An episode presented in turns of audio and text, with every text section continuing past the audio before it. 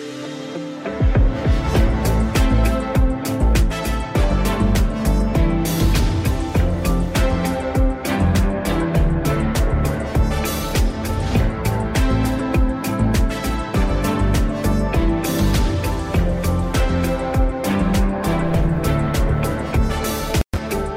Tjeklisten er fundet frem, de politiske redaktører er på plads, og det er blevet tid til at tjekke endnu et parti igennem forud for den kommende valgkamp.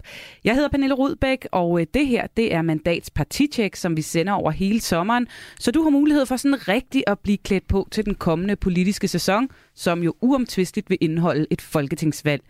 Den næste halve time er det de konservative, som vi skal have vendt og drejet og vurderet, og øh, den opgave, ja, den ligger jeg i trygge hænder hos politisk redaktør her på kanalen Thomas Larsen og politisk redaktør for Avisen Danmark Kasper Dahl. Har I tjeklisterne klar? Fuldstændig. Det er godt. Vi dykker ned i dem lige om lidt, men først tager vi altså lige en lynrunde helt kort, Kasper. Hvis jeg siger konservativ, hvad siger du så? Så siger jeg Pape Power. Pape Power. Ja, Thomas? For kort tid siden, så vil jeg have sagt fremgang. Nu tror jeg, jeg vil bruge ordet tøven. Tøven simpelthen. Ja. Jamen, øh, det får du lov til at folde ud lige om lidt. Ja, for her i øh, første runde, der skal vi øh, gøre status på den politiske sæson, der er gået, og hvor partiet står her og nu. Og øh, Kasper, du sagde Pape Power. Hvorfor valgte du lige præcis det ord? Jamen, det er der to årsager til. Den ene er sådan meget konkret. Det er jo i virkeligheden, at, at de konservative selv dyrker udtrykket Pape Power og har lavet store plakater med Søren Pape, der kommer flyvende, lignende sådan en, en Superman-figur på vej til at, at indtage hele verden med sit konservative budskab. Og så at, at jeg jo langt hen ad vejen synes, at, at øh, det er Søren Pape, der på nuværende tidspunkt er øh, den primære figur i det konservative øh, Folkeparti det er ham, det sådan langt hen ad vejen står og falder med. Han har en, en meget talentfuld øh, folketingsgruppe, synes jeg, men, men mit indtryk er, at, at den konservative fremgang på nuværende tidspunkt meget er hængt op på Søren Pape og, øh, og hans person og den likability, han har ude blandt befolkningen. Og det kan jo være rigtig godt, på, øh, når det går godt, og det kan så til gengæld også blive rigtig trist og skidt, hvis, øh, hvis det ikke går så godt. Thomas, du sagde tøven, og det blev jeg faktisk lidt overrasket over, det lige var det ord, du valgte. Jamen, jeg skal også starte med at sige, at jeg er jo ikke øh, overhovedet uenig i den øh, udlægning, som Kasper kommer med, fordi Søren Pape Poulsen har været en virkelig altså, ekstraordinær god mand for de konservative. Øh, han har reddet dem ud af en krise og har ført dem meget markant frem. Altså ser vi på meningsmålingerne, så er det jo det parti, der har haft den, den stærkeste vækst. Så det er på mange måder en imponerende præstation. Der er også udpræget harmoni på de indre linjer, og han har også altså, gode relationer til de fleste af de øvrige øh, partiledere. Så på den måde kunne man blive ved med at rose som. Når jeg så alligevel bruger ordet tøven, så er det fordi, at jeg synes, at det er mere og mere tydeligt, at øh, han er ved at komme i et problem med hensyn til, om han vil melde sit statsministerkandidatur ud eller ej. Og den synes jeg, de har trukket meget, meget længe. Og nu er det også begyndt sådan at, at, at komme derhen, ikke? At, at folk begynder at kritisere ham for ikke at komme med en klar mening. Jamen altså, vil du stå i spidsen for landet eller ej? Hvorfor bliver du ved med at tøve? Jeg ville faktisk have ønsket, at jeg havde taget ordet tøven. Jeg synes, det er et utroligt rammende og, og præcist øh, ord for den, den nuværende situation i, de, øh, i det konservative. Dels selvfølgelig i forhold til statsministerkandidaturet, men vi oplevede det jo også i forhold til, hvor de konservative ville placere sig, når det galt øh, stillingtagen til Claus Hjort Frederiksen og han, den mulige øh, sigtelse, der skulle rejses af, af ham. Øh, vi så det også i forhold til Ukrainerloven i virkeligheden, hvor de jo nærmest så var for hurtige til at træffe en beslutning, men jo så vendte rundt, efter de havde fået vendt skroen en 3-4 gange og var blevet lidt klogere. Det var måske ikke så meget tøven, men, men, men alligevel en eller anden form for, for usikkerhed i, hvor det konservative øh, parti skulle, skulle ligge hen af. Men hvis jeg så alligevel så skal prøve at booste dit valg af ord lidt, øh, Pape Power, så øh, altså, hvis vi havde taget den her snak for, hvad ved jeg, et halvt år siden, så kunne han jo nærmest gå på vandet, Søren Pape Poulsen. Ham skal vi vende meget mere, men hvis du kigger på den politiske sæson, også med et kommunalvalg, der, der ligger bag, hvad har det været for nogle op, og, og så måske lidt nedture, hvis du skal sætte lidt ord på det? Jo, men det er jo rigtigt nok, at det var jo en optur, da vi lavede noget julespecial, øh, er jeg også sikker på, at vi vurderede dem ganske, ganske højt og gav dem pæne og flotte karakterer, fordi det netop var på bagkant af et, øh, et kommunalvalg. Men man må også sige, at den, den strategi, de konservative har valgt, hvor det er, at de lidt fedt spiller, som de også bliver beskyldt for mange af de borgerlige, den kan jeg sådan set godt øh, abonnere på, den, øh, den konklusion. Altså, hvor de forsøger at, at, at komme i, fra, fra baghånd og ikke rigtig vil stille sig op, ligesom Thomas siger, og, og stå i frontlinjen og sige, at de gerne vil, vil få bordenden i, i det mest magtfulde ministerium i, i landet, nemlig statsministeriet, jamen altså, så, så vil man jo alt andet lige komme i en eller anden form for bakkedal, og man vil blive udsat for kritik det er til synligheden ikke noget, der sådan rigtig har sat sig, i hvert fald ikke i Søren Papes personlige øh, målinger. Der er lidt en nedadgående kurve for de konservative i de sådan, klassiske meningsmålinger. Men landet andet lige virker det til, at danskerne i hvert fald stadigvæk er enormt begejstrede for Søren Pape som politiker. Nu valgte du øh, ordet tøven og, og snakker lidt om, I kommer med flere eksempler, hvor det har vist sig, at, at det alligevel måske knep mere at, at slå til eller melde klart ud og, og bygge videre på den her pape-power og pape-effekt. Hvad ligger der i den tøven, Thomas, hvis du skal komme med din bedste vurdering? Hvorfor, øh, hvorfor gik luften lidt af ballonen her i slutningen af sæsonen? Der ligger selvfølgelig det bag, at øh, Søren Pape Poulsen udmærket er klar over, at det her det er en øh, beslutning med kæmpe konsekvenser, hvis han stiller sig op som statsministerkandidat. Han ved om nogen, hvor hårdt et pres, der hviler på landets øh, statsminister, hvor hårdt det er at sidde i hjørnekontoret i Prins Jørgens gård. Så det, det er klart, altså det, det er noget, der vil få store følger, det her, og han ved også, at han vil blive testet hårdere i samme øjeblik, at han melder sig på banen, fordi der bliver simpelthen stillet hårdere krav til statsministerkandidaten. Han vil blive gået mere efter i, i sømmene, også af, af pressen, og den, på den måde så bliver han mere eksponeret, hvis han stiller sig frem. På den anden side, så er det altså også klart, at det har en omkostning, at det kommer med en pris, når man ikke melder øh, klart ud. Man kommer netop til at fremstå som en, der, der, der tøver, måske ikke øh, tør. Og jeg kan ikke lade være med at tænke på, altså nogle af de toppolitikere, der går hele vejen og bliver øh, regeringschefer, de har jo alle sammen en enorm vilje de viser også befolkningen, at de vil statsministeriet, at de er klar til at lede. Og det tror jeg simpelthen er en nødvendighed. Man kan ikke bare blive statsminister ved at være en øh, flink fyr. Og hvis vi nu altså, tænker på en øh, Mette Frederiksen, en Anders Fogh Rasmussen, så havde de den her vilje til at, at, at være en del af magten og at udøve ledelse. Og tænker vi på den konservative øh, statsminister i 80'erne, Poul Slytter, så havde han jo rent faktisk det samme. Der var faktisk sådan et, et slogan om, som de fleste mennesker garanteret har, har glemt, men man sagde sådan om ham, ja, ja, nu kommer jeg, mit navn er Slytter. Og det var i virkeligheden udtryk for den her energi, den her vilje til at komme frem, som Slytter viste den vej, og den førte ham også hele vejen til statsministeriet.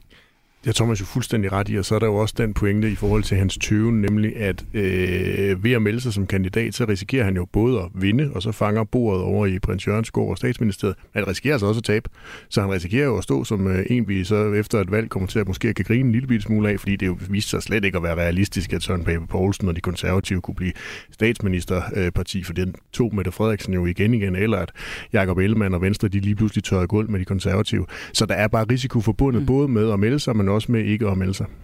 Nu øh, snakker vi allerede rigtig meget om Søren Pape Poulsen. Vi skal jo vende partilederens form lidt senere. Altså, mm, hvis I kigger bare lige her til sidst ganske kort på de konservative som parti, øh, hvordan vurderer I så partiets form her, øh, hvor vi øh, afslutter den politiske sæson? Det er jo i fremragende form. Dels fordi de har fået alle de mange nye øh, borgmestre og alle de mange nye byrødder ind i, i øh, partiet efter øh, kommunalvalget, og så har de jo lavet et, et meget organiseret og struktureret arbejde med at få øh, screenet og fundet de rigtige kandidater til det her folketingsvalg, som de træner og træner og træner, så de bare står knivskarpt til et, øh, et folketingsvalg.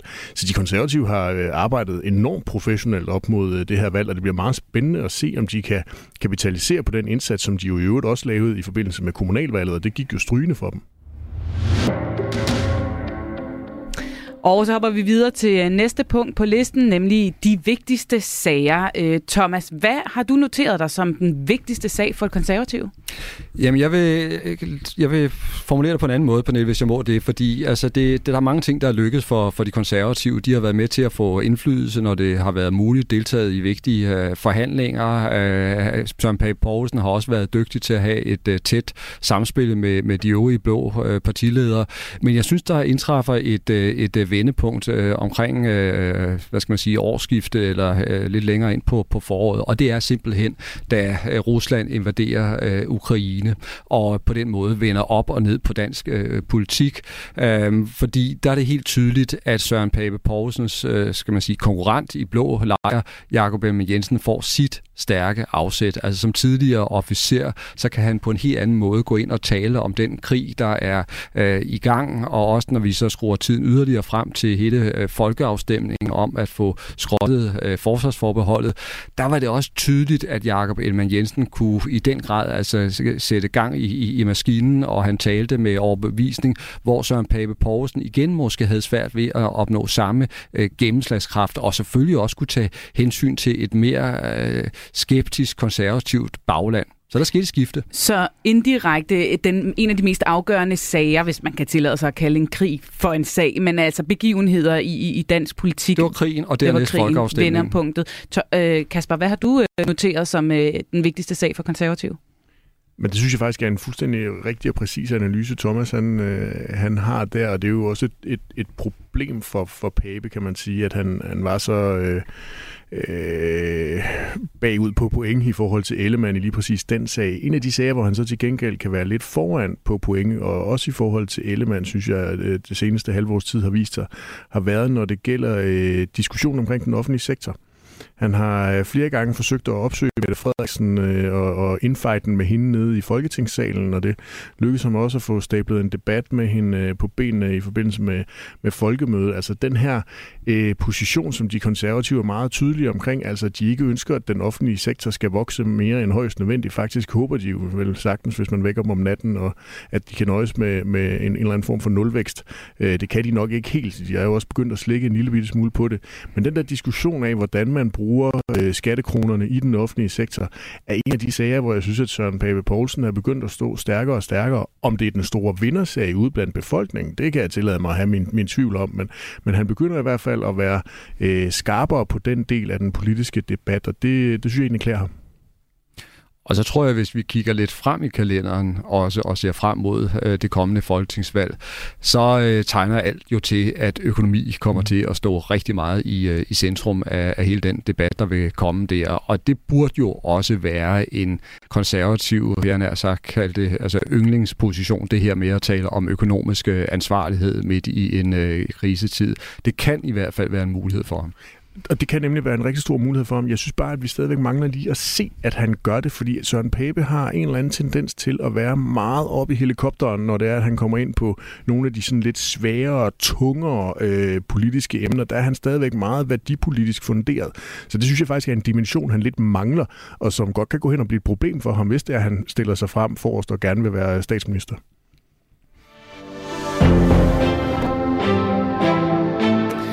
Ja, så er vi altså nået til et øh, ganske åbenlyst, efter vores øh, snak allerede nu, meget afgørende punkt for netop konservativ, nemlig formandens form. Jeg var 18 år på arbejdsmarkedet, før, fuldtid, før politik blev min fuldtidsbeskæftigelse. Jeg tror, at det er sådan lidt over gennemsnittet af rigtig, øh, i hvert fald i forhold til rigtig øh, mange, der er valgt her til, til Folketinget. Så jeg har prøvet at være på arbejdsmarkedet. Jeg ved godt, hvad det er. Ja, vi har allerede været godt omkring det der med tøven og så videre. Du har sat, sagt pape power. Hvis du alligevel skal prøve at sætte et, et ord på, øh, på formandens form, Kasper, har du mere i posen så? Nej, men er der ikke det der udtryk med humlebien, der ikke kan flyve, og så flyver den alligevel og sådan noget? Det, jeg synes lidt, Søren Pape er... er en humlebi? Er, ja, lidt havnet i den genre for mig forstået på den humlebi. måde, at, at øh, han flyver jo, men når man sådan går ham lidt efter i kortene, er det jo faktisk utroligt, at han gør det med... H- hvad mener du med det? Jo, men igen, hvis vi kigger på målinger, øh, Megafon havde en for TV2 og Politikken, hvor han topper mm. troværdighedsbarometeret igen igen. Og langt man, foran nummer 2, 3 og 4. Og, og når man begynder at spørge ned til enkelte politikområder, så er det også Søren Pape Poulsen, som vælgerne øh, blandt de borgerlige partiledere vurderer til at have den største troværdighed på rigtig mange politikområder. Og det synes jeg sådan lidt er tankevækkende, om ikke andet, at, at han øh, vil nærmest ikke at sige ret meget, og som jeg lige var inde på tidligere, forholde sig meget op i helikopteren og ikke være nede i konkreterne, øh, formår at, øh, at overbevise danskerne om, at, øh, at han altså er den med, med højst troværdighed. Og det er sådan lidt over i den der humlebi-genre for mig. Ja, du står og ligner en, der ikke rigtig forstår det. Forstår yeah. du det, Thomas? Jeg ved ikke, om, om han er en, en, en humlebi, eller, eller om han kan blive forvandlet til en bi eller en vips, der flyver rigtig, rigtig hurtigt efter sommerferien, fordi det her virkelig synes er, er, er spændende. Det er om Søren Pape Poulsen, når øh, han øh, vender tilbage til Christiansborg på den anden side af ferien, om han virkelig altså, får, får, får sat maskinen i, i gear og selv kommer i, i bevægelse i, igen, fordi nu er vi netop på den anden side af, af folkeafstemningen, som var vanskelig for ham, øh, og der kommer altså også en hel masse andre øh, emner og temaer op på den politiske dagsorden efter øh, øh, sommeren, og, og det kan man sige, det kan blive en ny chance for virkelig at komme i, øh, i fremdrift øh, i, øh, igen. Så jeg tror, det bliver meget interessant at se, hvordan han vender tilbage efter ferien, og vi skal jo også lige huske på her, han har simpelthen lovet, at der kommer svaret. Det var jo det, den besked, han kom med på folkemødet på Bornholm, hvor han sagde, nu vil han godt nok lige lade danskerne komme hjem og feriere og tjene grillen, præcis Kasper, og, og lige at slappe af, og han vidste, der var ikke nogen, der interesserede sig for politik i, i den periode.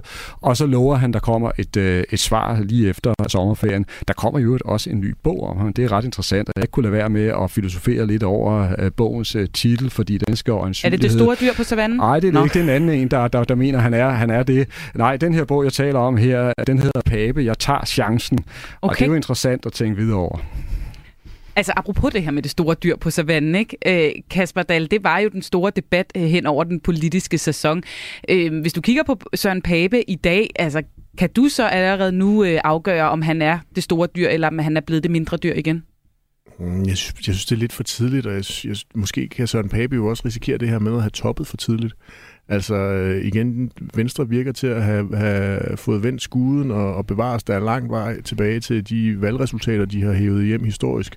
Men, men, men de er en opadgående kurve, hvorimod de konservative måske lige har, har pigget lidt for tidligt det, i min optik, så burde det stadigvæk være Jacob Ellemann, der er det store dyr på savannen. Og så er Pape jo også ude i den der sådan lidt øh, kommunalbestyrelsesmanøvre, som han jo heller ikke lægger skjul på, han, han øh, lægger op til. Altså, hvis der er flere, der peger på ham som, øh, flere mandater, der peger på ham som statsminister, så øh, er han klar til at, at gribe den.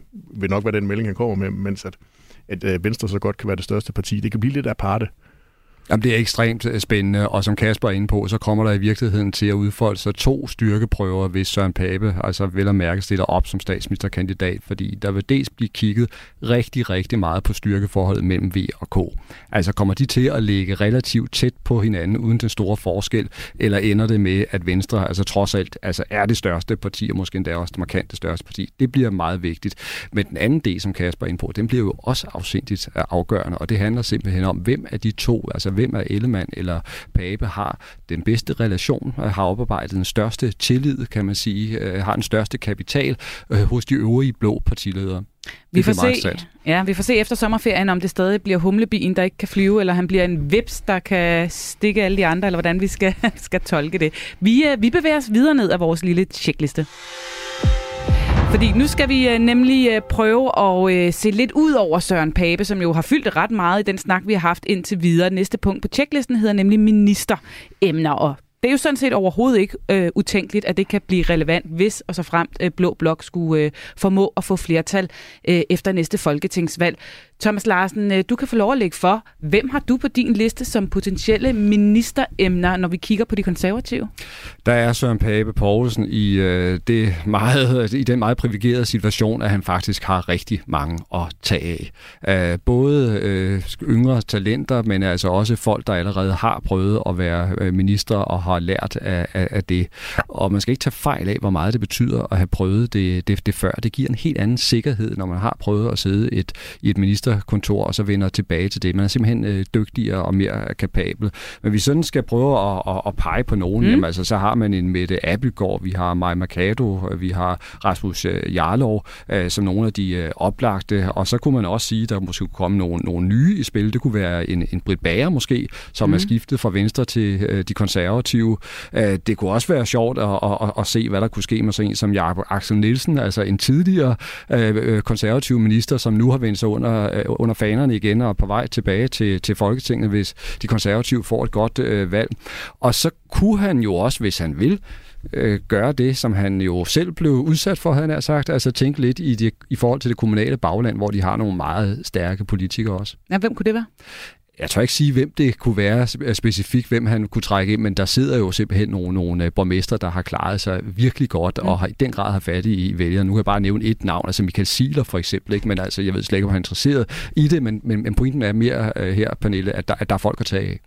Nu øh, har Thomas jo nærmest øh, gjort rent bord her, eller det ved jeg ikke, Kasper Dahl. Har du andre på din liste over mulige ministeremner for øh, Søren Pape Poulsen? Nej, men hvis vi skal have fat i dem, som har tidligere ministererfaring, så har han jo Benedikte Kær siddende i Helsingør, som jo også kunne være et, øh, et glimrende bud på en minister, hvis hun skulle have, have den slags øh, lyster.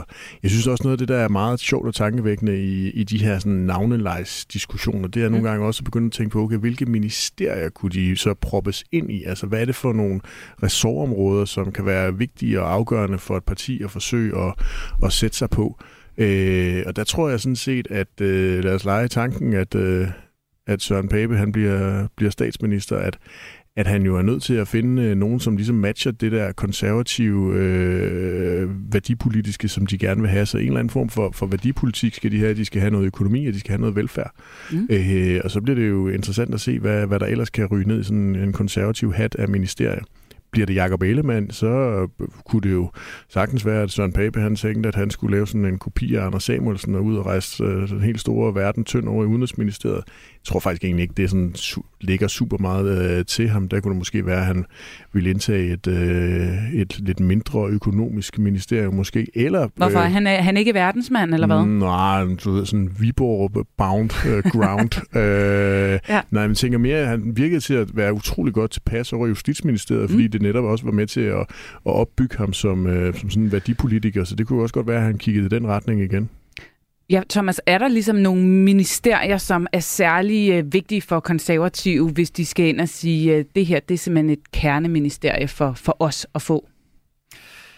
Ja, altså det er jo klart, hvis man ser på et, et parti, og så vil jeg mærke et, øh, et borgerligt parti, der ikke får statsministerposten, altså hvis nu øh, Pape ikke bliver, bliver statsminister i en borgerlig øh, regering, så er det klart, at man vil have en form for styring med de økonomiske øh, ministerier. Det vil være afgørende. De skal simpelthen være med til at tilrettelægge den økonomiske øh, politik. Det vil de ikke bare øh, overlade til, til, til Venstre. Øhm, så kunne man måske også forestille sig, øh, som, øh, hvilket også har været en del af, af de konservative konservatives udvikling i nyere tid, at øh, de vil være interesseret i at få noget af det grønne. Altså det er jo faktisk noget, de har øh, mm. arbejdet med i en lang årrække og haft øh, folk som både Per Stig Møller og ikke mindst en Connie Hedegaard, der på den måde har øh, ført partiet ind på en langt mere øh, grøn sti, øh, kan man sige. Tidligere har Kulturministeriet også vægtet ret højt for partiet, og det er igen noget med det værdipolitiske, altså sammenhængskraften, øh, som også har haft øh, stor betydning. Der er rigtig meget øh, på paletten, både af personer og ministerier her, Kasper. Hvis nu bliver til en smal løsning, så at sige, for konservativ, hvor der ikke får så mange på hånden her, hvem vil være sådan øh, nummer et på kandidatlisten ud over Søren Pape Poulsen, hvis du skulle pege på et navn? Så tror jeg, han vil øh, pille øh, gruppeformand Maja Mercado ud, fordi hun har ministererfaringen og vil kunne placeres i rigtig mange forskellige ministerier. Således ministerpotentialerne. Vi hopper videre. Ja, for når valget, kommet, hvad, valget kommer, hvad skal øh, ambitionerne så helt konkret være for et konservativt parti, som jo er stormet frem i meningsmålingerne gennem hele sæsonen? Hvis vi starter med lige at kigge på fakta nu og her, så ser det sådan her ud. De øh, fik ved sidste folketingsvalg 6,6 procent af stemmerne og sidder i dag i Folketinget med 12 mandater. Men altså, meningsmålingerne tyder på en solid fremgang, og øh, i løbet af året har de jo i nogle meningsmålinger ligget næsten side om side og lidt over lidt under Venstre. Kasper Dahl, ambitionerne for det kommende valg for konservativ?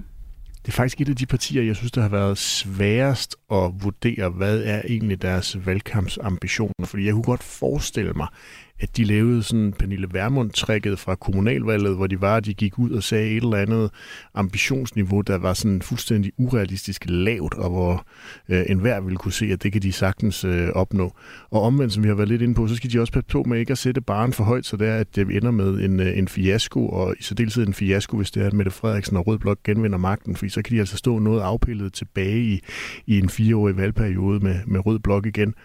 Så det, det, det, det er meget svært for mig at, øh, at sådan sætte et procenttal på, hvad der skal være en, øh, en valgkampssucces. Mm. Melder Søren Pape sig som statsministerkandidat, så er det jo selvfølgelig at blive statsminister. Øh, men det vil også være at, at skyde meget, meget, meget højt. Så, så kan man vel næsten ikke skyde højere? Nej, nemlig. Så der, der er i hvert fald høj risiko for at... Øh, for skuffelse? Nemlig. Øhm, så den, den, den er lidt... Jeg glæder mig enormt meget til at høre, hvad Thomas han siger.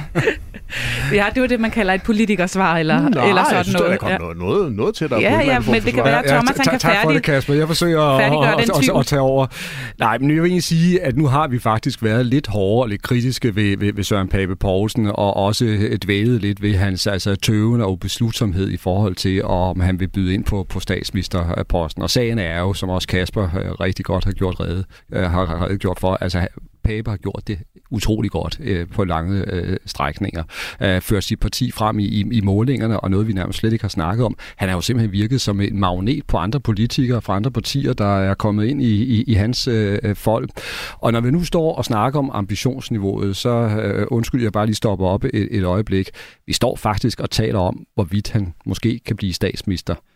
Og det er en ret væsentlig pointe i sig selv, fordi det er mange år siden de konservative har været i nærheden af at kunne stille med en statsministerkandidat. Så der er godt nok sket meget med, med de konservative. Så hvis jeg skal gøre det op, så vil jeg sige, ultimativt, jamen så er det jo statsministerposten og regeringsmagten, de skal gå efter. Ikke? Det er det store mål, og ellers så skal de jo så have rigtig god fremgang. Han skal inkassere øh, fremgangen for meningsmålingerne. Ja, det er jo så spørgsmålet, om det er de konservatives egen skyld, eller om det i virkeligheden er Venstres skyld. Altså, fordi det er rigtigt, at Søren Pape han har taget imod, og det er kommet fra Venstre, fordi Venstre jo i netop den her valgperiode med Lars Løkkes afgang, Inger Støjbergs afgang, Markus Knudt og Britt Bager, der er hoppet til de konservative. Altså, Venstre har jo sandsynligvis leveret en stor del af den konservative fremgang i meningsmålingerne, og nok også det, som, som, øh, noget af det, som øh, Søren Pape og de konservative kapitaliserede på ved et kommunalvalg. Og spørgsmålet er jo så, om de kan kapitalisere nok på det, eller om Venstre ligesom har fået vendt skuden og fået sat en prop i hullet, øh, og at de konservative så stadigvæk vil være lillebroren. Det er et af de meget, meget, meget spændende emner ved, et, ved en valgkamp.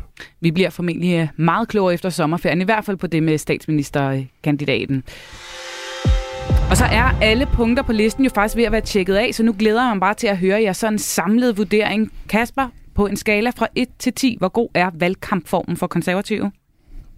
Jamen, set, set over øh, hele paletten med alle de konservative, veltrænede fuldsoldater ude i det ganske danske land, så synes jeg faktisk, at de står som et af de skarpeste partier, når der på et tidspunkt kommer en, øh, en valgudskrivelse. I hvert fald markant skarpere end mange af de andre borgerlige partier.